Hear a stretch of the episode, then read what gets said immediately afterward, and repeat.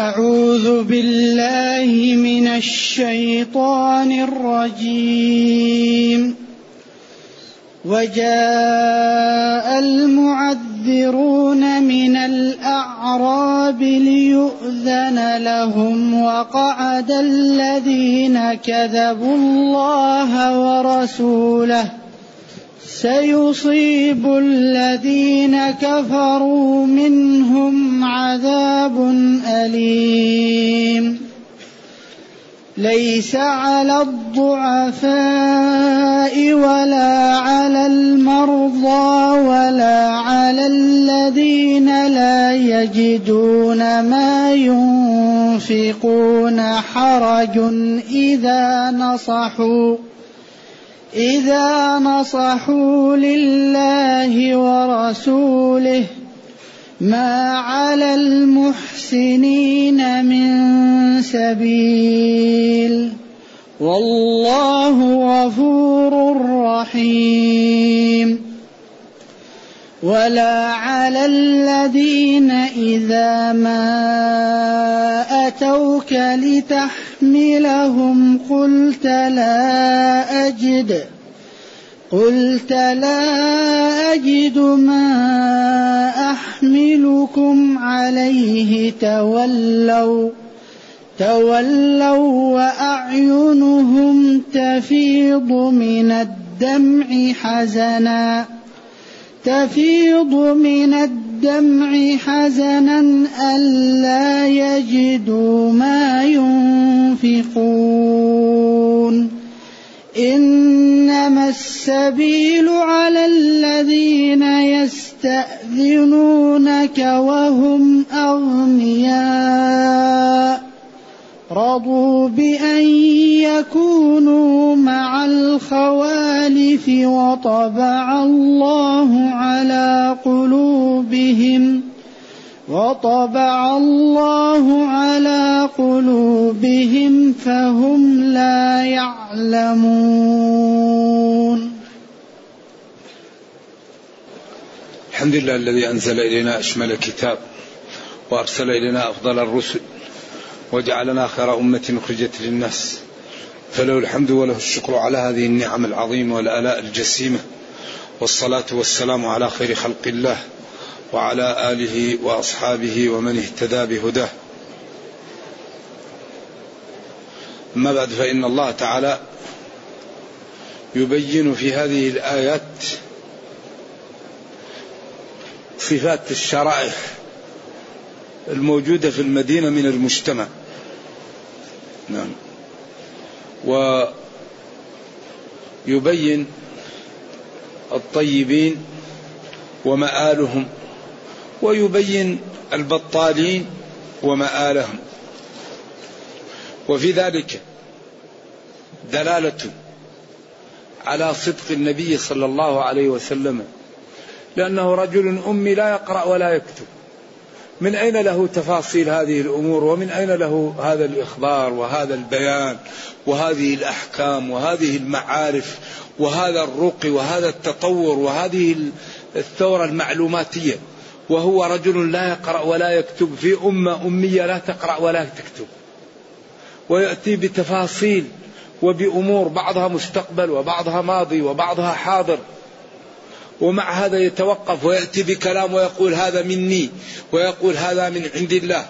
والذي من عندي لازم اتباعه ولكن ليس له درجة الإعجاز. والذي من الله له درجة الإعجاز. ومن أراد أن يكذب به فليأتي بمثله. إذا وضع الإسلام وضع محرج.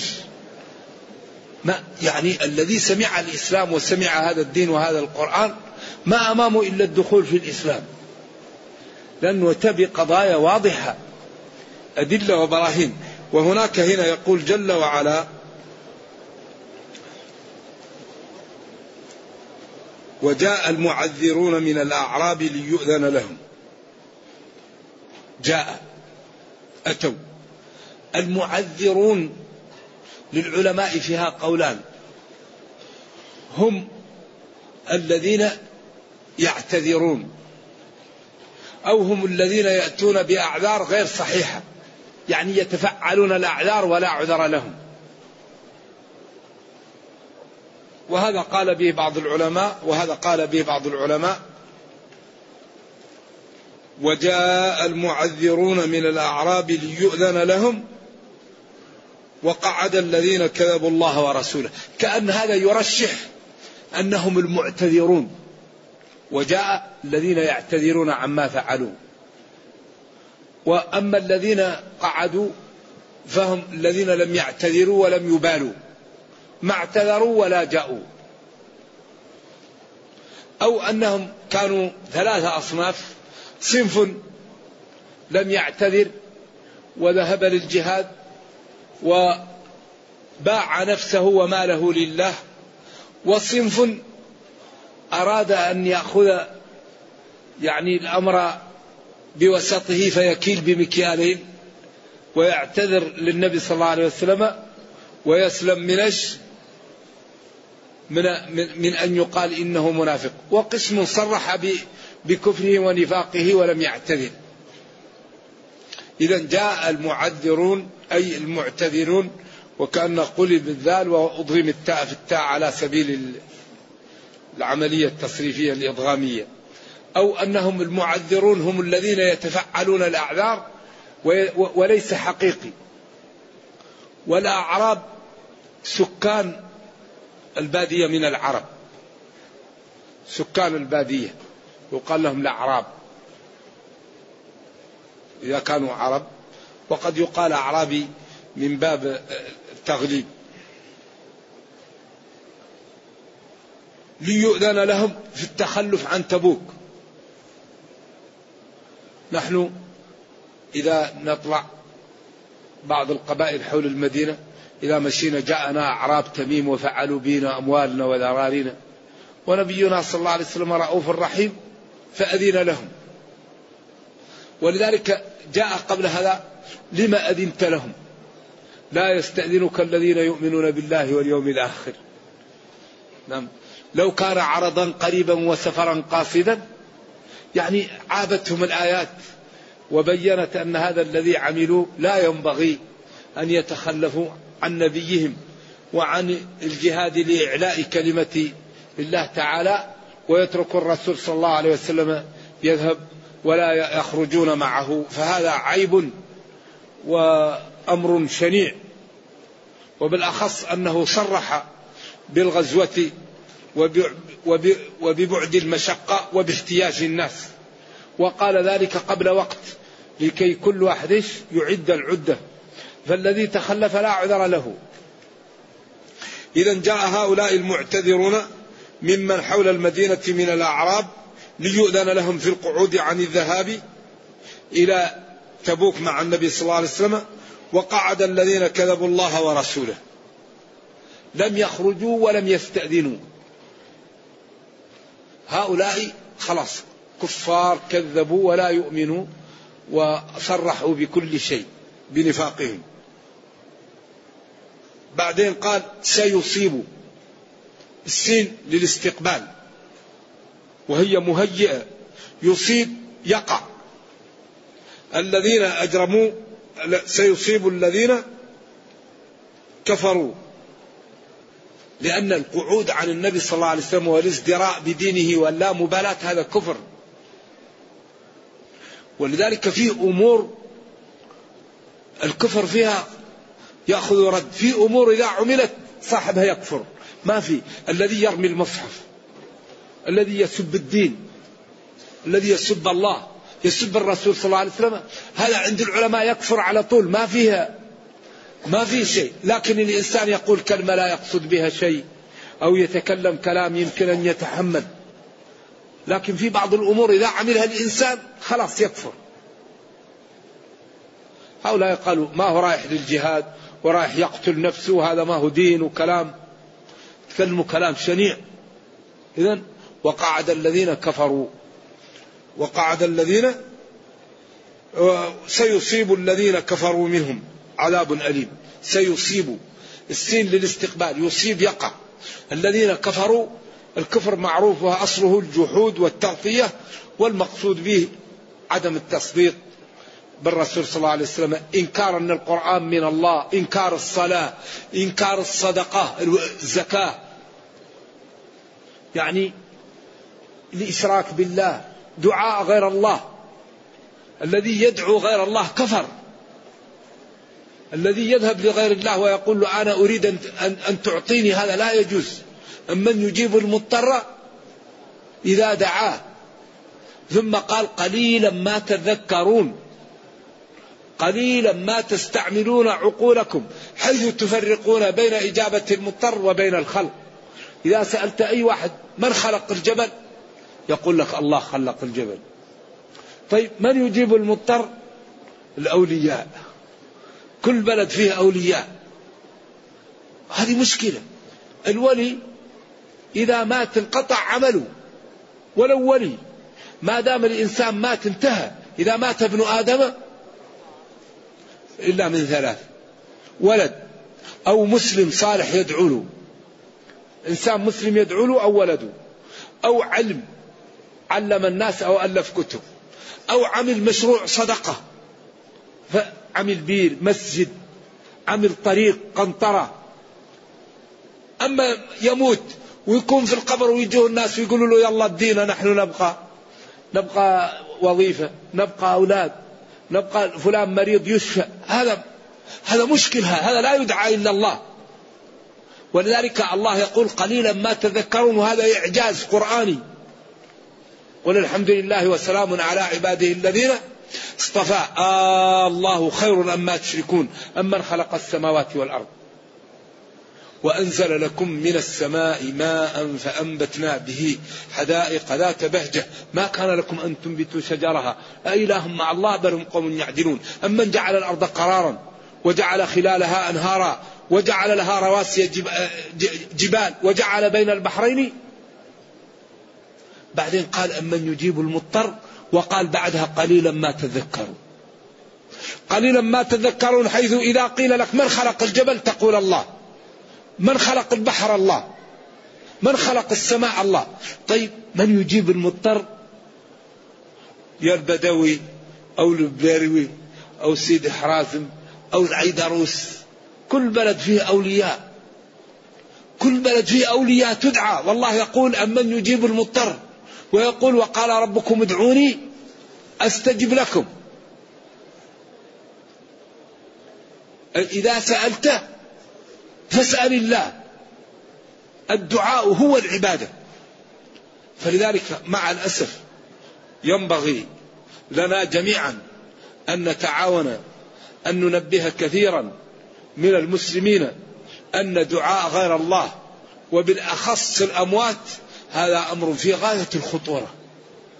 يمكن تأتي لرجل صالح وتزره وتلتمس منه النصح أن يدعو لك أن ينصح لك يعطيك حكمة يعطيك حديث يعطيك آية يعطيك حكم يعطيك تجربة في الحياة. أما واحد مات خلاص تأتيه وتقول له أعطيني. هذه مشكلة هذه. فلذلك لا بد أن نتعاون على أن نبين للناس أن غير الله لا يسأل. قال قوموا بنا نستغيث برسول الله. قال إنه لا يستغاث بي وإنما يستغاث بالله. إذا سألت فاسأل الله.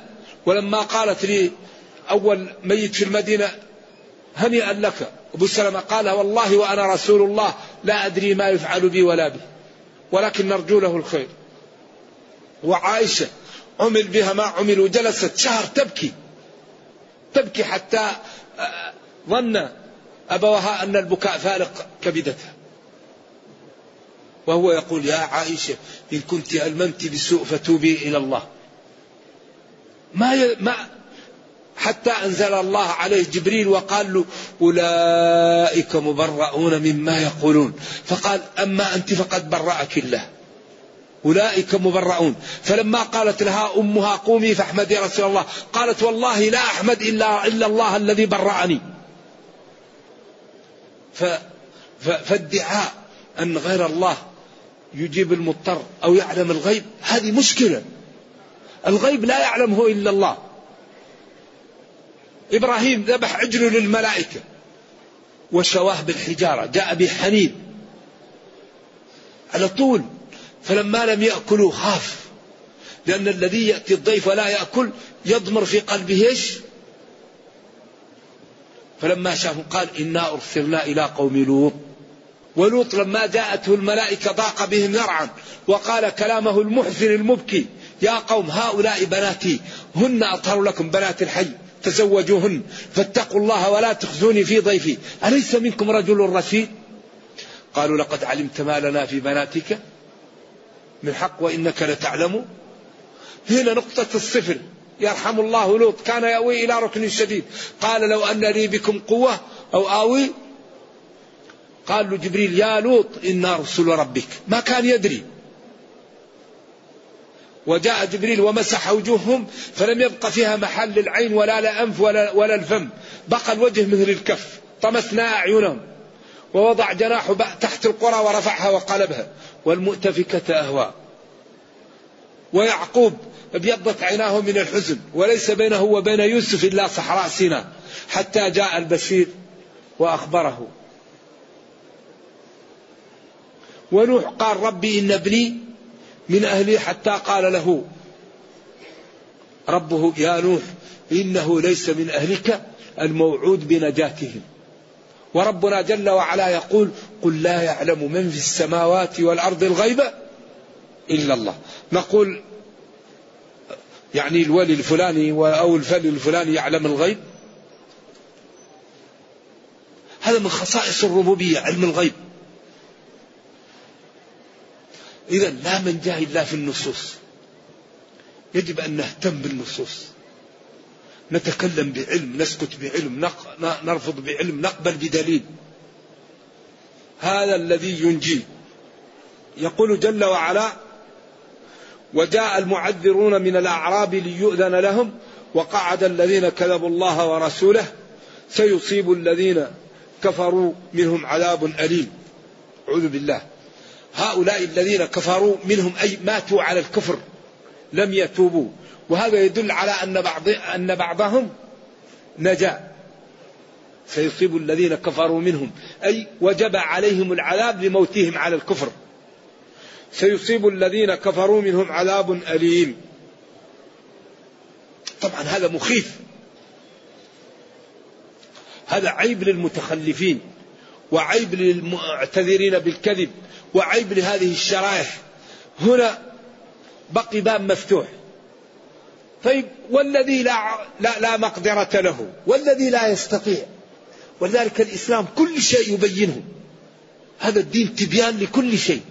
ونزلنا عليك الكتاب تبيانا لكل شيء. ثم قال ليس على الضعفاء. ليس حرف نفي أو فعل ناسخ. الضعفاء جمع ضعيف. مثل الزمن. الصغير ضعف. إما لكبر سن إما لضعف في الجسم إما لشيء مشكلة فيه ليس على الضعفاء ولا على المرضى أو من تغيرت صحته لعارض. مريض. ولا على الذين لا يجدون ما ينفقون.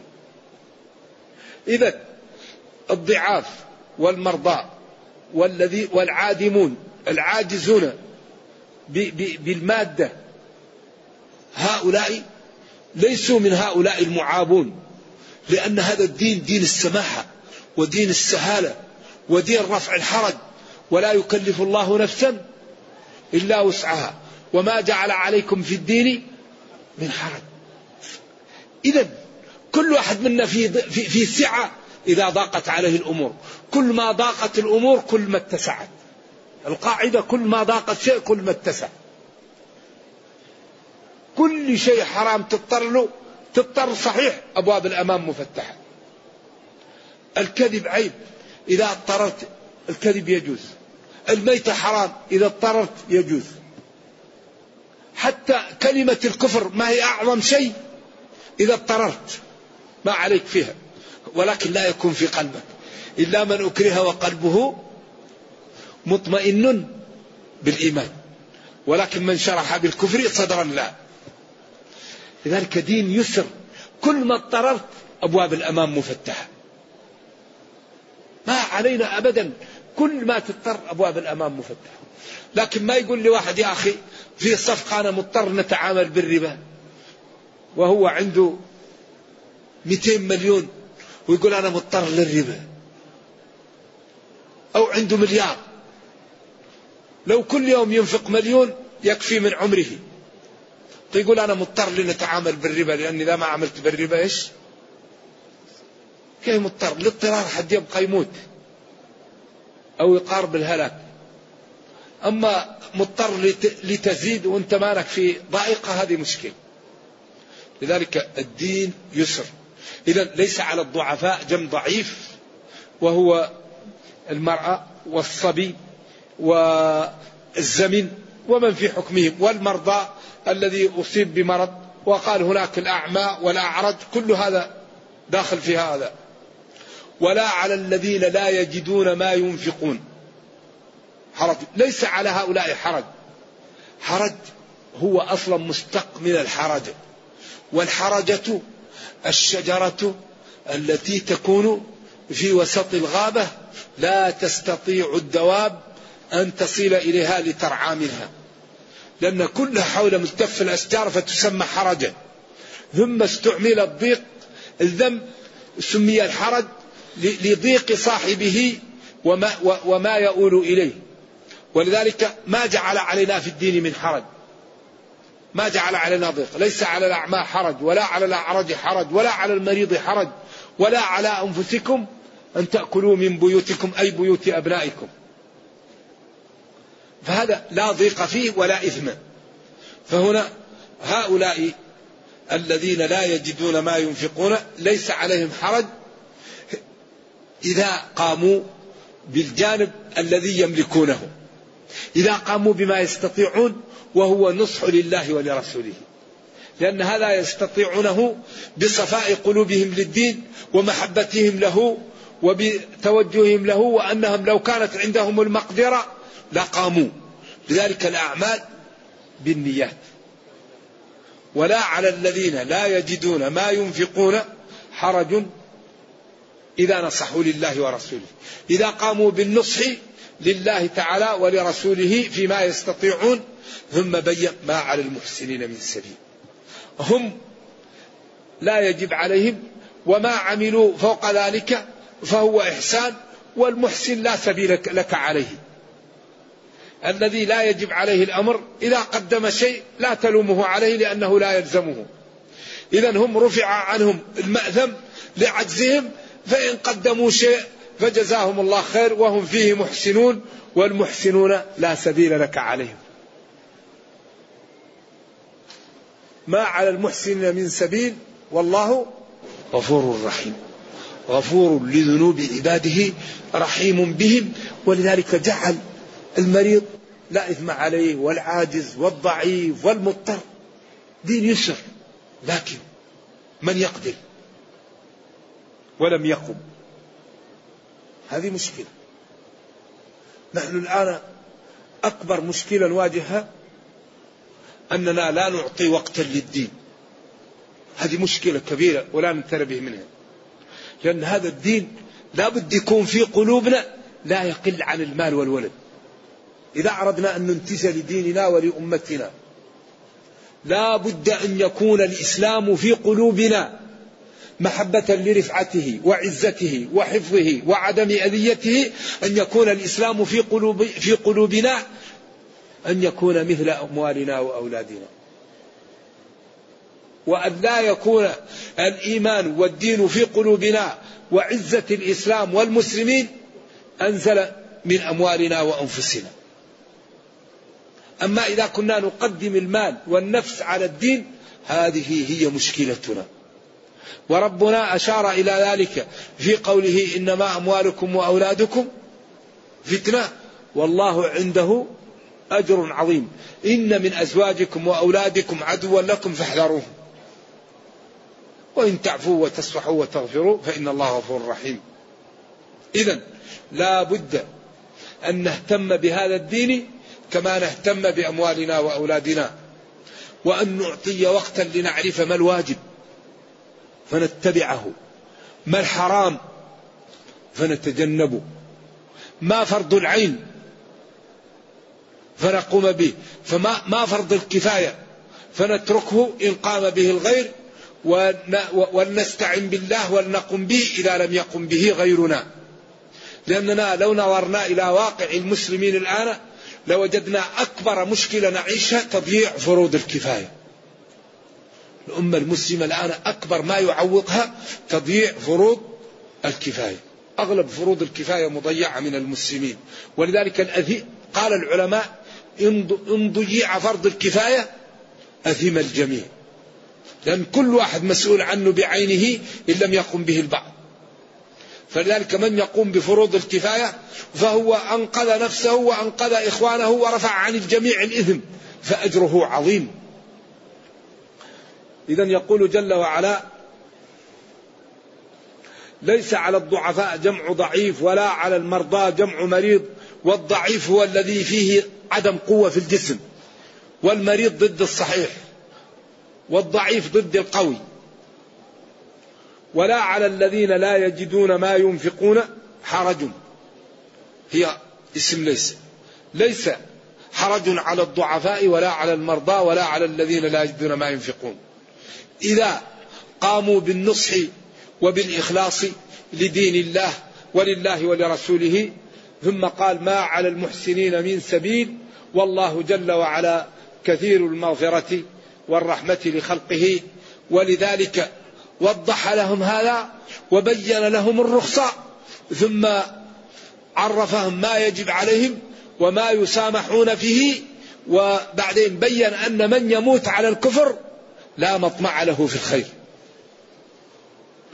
ولا على الذين إذا ما أتوك لتحملهم معطوف على ليس على الضعفاء ولا على الذين إذا ما أتوك لتحملهم قلت لا أجد ما أحملكم عليه. تولوا وأعينهم تفيض من الدمع حزنا أن لا يجدوا ما ينفقون. هؤلاء شريحة راقية جدا ولكن لا مال لهم. وجاءوا للنبي صلى الله عليه وسلم وقالوا له أعطنا حمالة لأن المحل بعيد ما يقدر واحد يمشي. قال والله لا أجد ما أحملكم عليه ما عندي. تولوا رجعوا إلى رحالهم وأعينهم ملأى تفيض لأن فاضت امتلأت من الدمع لأجل الحزن حزنا. ولكونهم لا يجدون ما ينفقون فحزنوا وحصل لهم ما حصل لهم هؤلاء ومن مشوا في الأجر سواء. قال إن بالمدينة أقواما ما قطعتم واديا ولا شعبة إلا قطعوه معكم حسب حبسهم الجهد العذر. لذلك هذا الدين إذا نصح المسلم وأصلح نيته يستطيع يعمل يعمل ما يستطيع يعمل يكتب له الأجر. ذلك إذا أخلص العبد وقام بما يستطيع خلاص الله يعطيه. ولا على الذين يعني ولا حرج على الذين إذا ما جاءوك يطلبون منك أن تعطيهم ما يركبون عليه ويسافرون عليه وزادهم قلت لهم يا نبي لا أجد ما أحملكم عليه. تولوا وأعينهم تفيض والحال أن أعينهم ملآ من الدمع تفيض امتلأت وأصبحت تنزل لأجل أنهم لا يجدون ما ينفقون وحصل لهم أيضا الحزن لعدم مقدرتهم على الذهاب. طيب إذا العيب على من؟ ومن الشريحة التي تعاب؟ إنما السبيل على الذين يستأذنونك وهم أغنياء. إذا هؤلاء الذين يطلبون الإذن وهم أغنياء وأصحاء ولا عذر علي عندهم. ورضوا بالجلوس مع الضعاف هؤلاء هم الذين عليهم اللوم وعليهم العقوبة وعليهم الإثم. إذا ينبغي لكل واحد منا أن ينظر ويبتعد عن الطريق الخاطئة ويجتهد في سلوك الطريق الصحيح حتى ننجو. إنما السبيل إنما الإثم وإنما الحرج والطريق لك على هؤلاء لتعذبهم ولتعاقبهم. على الذين يستأذنونك يطلبون الإذن والحال أنهم أغنياء وأصحاء وغير مرضى بدليل ما تقدم. ولكن رضوا بأن يكونوا مع النساء والأطفال مع الضعاف مع النساء الخوالف هنا النساء. وطبع على قلوبهم. وهذه هي الكارثة. أكبر كارثة أن يطبع على قلب الإنسان. لأن موارد العلم هي القلب والسمع والبصر. فأهل النار قال ولقد ذرعنا لجهنم كثيرا من الجن والإنس. لهم قلوب لا يفقهون بها.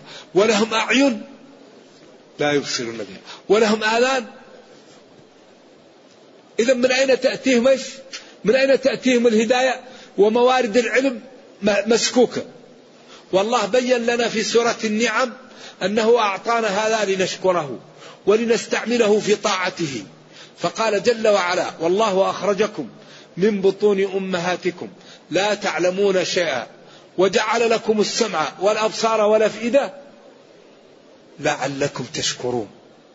أعطاك النظر لتنظر في المصحف. أعطاك السمع لتسمع القرآن. تستمع القول فتتبع أحسنه. أعطاك الفكر لتفكر كيف ننقذ نفسي من النار. كيف ننقذ والدي. كيف ننقذ عشيرتي وأبنائي وأقربائي وجيراني. كيف نكون قدوة في الخير. كيف نترك لي بصمات لديني ولأمتي قبل أن ننتقل من هذه الدار. إذا هذا الدين مبني على أنك إن اجتهدت تأخذ وإن لم تعمل ما تحصل شيء. يقول تعالى إنما السبيل أي الإثم والطريق لك عليهم بعقوبتهم على الذين يستأذنونك يطلبون الإذن منك والحال أنهم أغنياء. طبعا فهم من الأغنياء أنهم أيضا أصحاء وليسوا زمناء وليسوا مرضى وأنهم أصحاب غزو وأغنياء ولكنهم تركوا ذلك. رضوا قبلوا وأحبوا بأن يكونوا مع الخوالف مع النساء. وختم الله على قلوبهم طبع الله على قلوبهم فهم لا يعلمون لأن موارد العلم حجبها الله عن أن تستفيد. وهذا هو أخطر شيء أن تكون موارد العلم محجوبة عن إيش؟ عن الفائدة. ونحن والحمد لله الآن لا زلنا في الدنيا. فلنحذر أن نسلك طريق هؤلاء الذين شتموا وعذبوا وفضحوا وكان مآلهم إلى جهنم فلنحذر أن نسلك هذه الطريق ونتبع طريق من مدحوا وأكرموا وأصبحوا منقبة وأصبحوا قدوة في الخير فلنتبع طريق الخير ونتبع عن طريق الشر ولنسدد ولنقارب ولنعلم أن ديننا دين اليسر والسماحة والسهالة والنزاهة وما جعل علينا من حرج. فالمريض والضعيف والأنثى والصبي ومن لم يجد مالا ونصح ومن جاء ولم يجد ما يمشي عليه هؤلاء كلهم مع من ذهب بنفسه وماله في الأجر سواء لأنهم أخلصوا نياتهم وقاموا بما يستطيعون وربنا جل وعلا يقول لا يكلف الله نفسا إلا وسعها. فحري بنا أن نجتهد. نجتهد لهذا الدين ونعطيه الوقت. كل شيء في الدنيا بالوقت. لا بد أن نعطي وقتا لديننا. نتعلم. نمتثل. نجتنب. نتدبر. نتأمل. نخطط. نناقش. كيف نرفع المسلمين؟ كيف نرفع الأمة؟ كيف تتحد المسلمين؟ كيف تهتم بالعقول؟ كيف تهتم بالاستشارة؟ كيف تهتم بالوحدة؟ كيف تأخذ السبل التي تكون بها الأمة رائدة؟ كنتم خير امه وبالأخص من أعطاه الله العقل والعلم والمقدرة والمروءة فهذا طبعا كل ما كان الإنسان أكثر عقلا وعلما ومقدرة كل ما كانت المسؤولية عليه أكبر. ونحن المسلمون كل واحد منا يقوم بما يستطيع ولا يكلف الله نفسا إلا وسعها. ولذا كلكم راع كلكم راع وكلكم مسؤول عن رعيته. لكن الإمام راعي إلى أن قال والخادم راعي وكلكم راع وكلكم مسؤول عن رعيته. ولا يكلف ربنا أحدا إلا وسعها. فحري بنا أن نجتهد فيما نستطيع؟ وأن نقبل من الناس ما تستطيع أن تعمله؟ وأن نكرم الناس. نكرم الناس. الطيب نكرمه لطيبه والبطال نكرمه لإزالة البطاله عنه. فطالما استعبد الإنسان إحسانه. واجب على الطيبين أن يهتموا بالدين وبالناس. يكرم المريض ويكرم المحتاج ويحاول أن, أن يساعد الناس لكي تحب الدين في أشخاصهم فيقبلوا منهم وينتهوا عما نهوهم عنه فيكثر الخير ويقل, ويقل الشر. نرجو الله جل وعلا أن يرينا الحق حقا ويرزقنا اتباعه. وأن يرينا الباطل باطلا ويرزقنا اجتنابه وأن لا يجعل الأمر ملتبسا علينا فنضل. اللهم ربنا أتنا في الدنيا حسنة وفي الآخرة حسنة وقنا عذاب النار. اللهم اغفر لنا ذنوبنا كلها دقها وجلها أولها وآخرها علانيتها وسرها. يا حي يا قيوم برحمتك نستغيث. أصلح لنا شأننا كله ولا تكلنا إلى أنفسنا طرفة عين. سبحان ربك رب العزة عما يصفون وسلام على المرسلين والحمد لله رب العالمين. والسلام عليكم ورحمة الله وبركاته. يقول بعض المسلمين يأتون لهذه البلاد الطيبة ثم يرجعون بذنوب ولم يتوبوا منها. الذنب يتاب منه في كل بلد. وكلكم معافى إلا المجاهرين. أكبر مشكلة الذنب الذي يظهر. من ابتلي بشيء من هذه القاذورات فليستتر. أما إذا كانت المعصية مجاهر بها هذه خطيرة جدا وذنبها عظيم وعقوبتها إذا لم يتوب الله على صاحبه فهي خطيرة. فينبغي لنا أن نتوب جميعا ونعلم أن الله تعالى لا يضيع أجر من أحسن عملا ومن ترك معصية لله الله عوضه عنها. وإذا كانت الناس تغضب منك بها من التمس رضا الله بسخط الناس رضي الله عنه وأرضى عنه الناس. ومن التمس رضا الناس بسخط الله سخط الله عليه وأسخط عليه الناس. والله قادر فينبغي أن نلتمس رضا الله. فإذا رضي عنا أرضى عنا الناس ووفقنا وجعل الناس تحبنا وكفانا شرهم. نعم. يقول ما معنى قوله تعالى لا يحب الله الجهر بالسوء من القول إلا من ظلم وكان الله سميعا عليما. يعني لا يحب الله لأن يجهر أحد لأحد بالسوء إلا من ظلمه أحد على أصح التفاسير فإنه يجوز له أن يأخذ بقدر مظلمته. يقول فلان مطلني واحد طلب منك قرضة فاستقرضت فلوس وما أعطاك الفلوس. بتقول فلان ما أعطاني فلوس يا ناس قولوا فلان يعطيني فلوس. أو استضفت إنسانا ولم يكن فيه فنادق ولم يكن فيه نزل فلم يضيفك. تقول فلان استضفته ولم يضفني. هكذا. لا يب... لأن هذا جهر بالسوء لكن هو ظلمك. لم يضيفك ولم يعطيك حق. ولذلك قال ولمن انتصر بعد ظلمه فأولئك ما عليهم من سبيل إنما السبيل على الذين يظلمون الناس. ومع ذلك وأن تعفو وتتركه ولا تخبر أقرب للتقوى. لكن يجوز. نعم. يقول شخص قرأ في النوم سورة المدثر على كل حال ينبغي أن يجتهد في طاعة ربه. الحمد لله. لأن المنامات أربع أقسام. نوم بشرى للصالحين لهم البشرى في الحياة الدنيا. رؤيا حلم من الشيطان. واحد يرى أن رأسه يجري والشيطان يجري وهو يجري على رأسه. هذا تلاعب الشيطان. نوع تنبيه للإنسان يتنبه ويكون سبب في التوبة وسبب في إصلاح أموره. ونوع يكون مما كان الإنسان يفكر به في النهار فإذا نام يجده. نعم. والرؤيا جزء من من, من كلام من النبوة ولذلك لا يتكلم فيها واحد إلا بخير. فيتقي الله والرؤيا على أول عابر. فينبغي الإنسان لا يتكلم فيها إلا بخير ولا يحكيها إلا على من فيه ورع أو من هو محب له لا يؤولها له إلا بخير.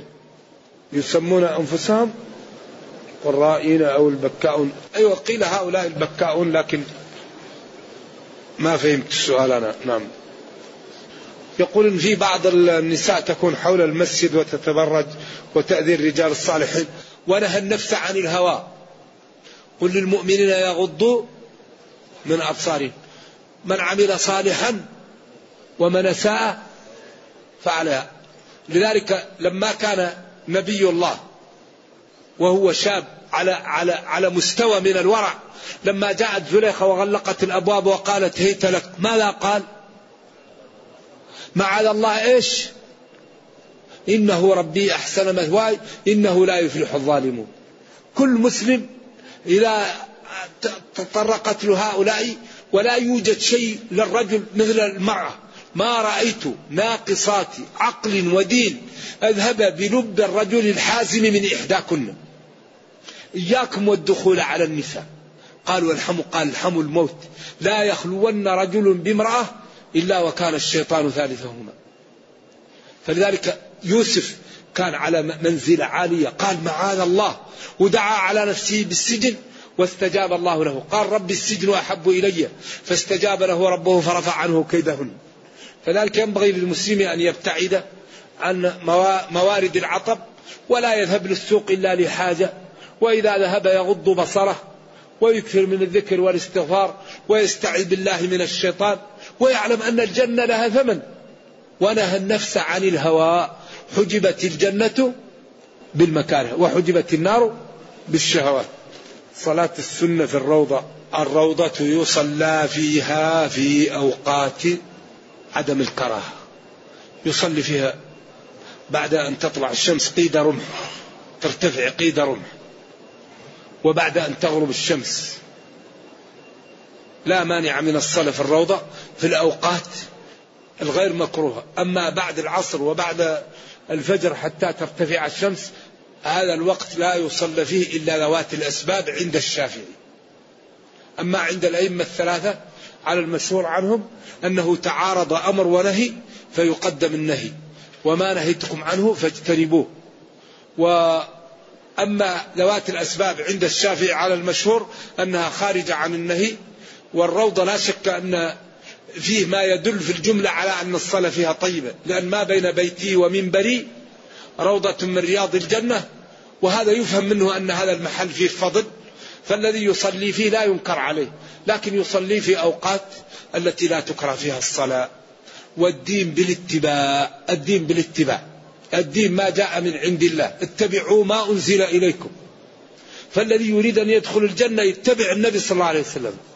والعمل لا يقبل إلا إذا كان فيه شرط اسمه المتابعة. متابعة النبي صلى الله عليه وسلم. والإخلاص ويكون صاحبه مسلما. إذا شروط قبول العمل ثلاثة. الإيمان. أولا يكون صاحبه مسلم غير كافر. وأن يكون مخلص غير مشرك وغير مرائي وأن يكون متابع فيه للنبي صلى الله عليه وسلم على السنة. نرجو الله أن يلهمنا وإياكم التوفيق. بس.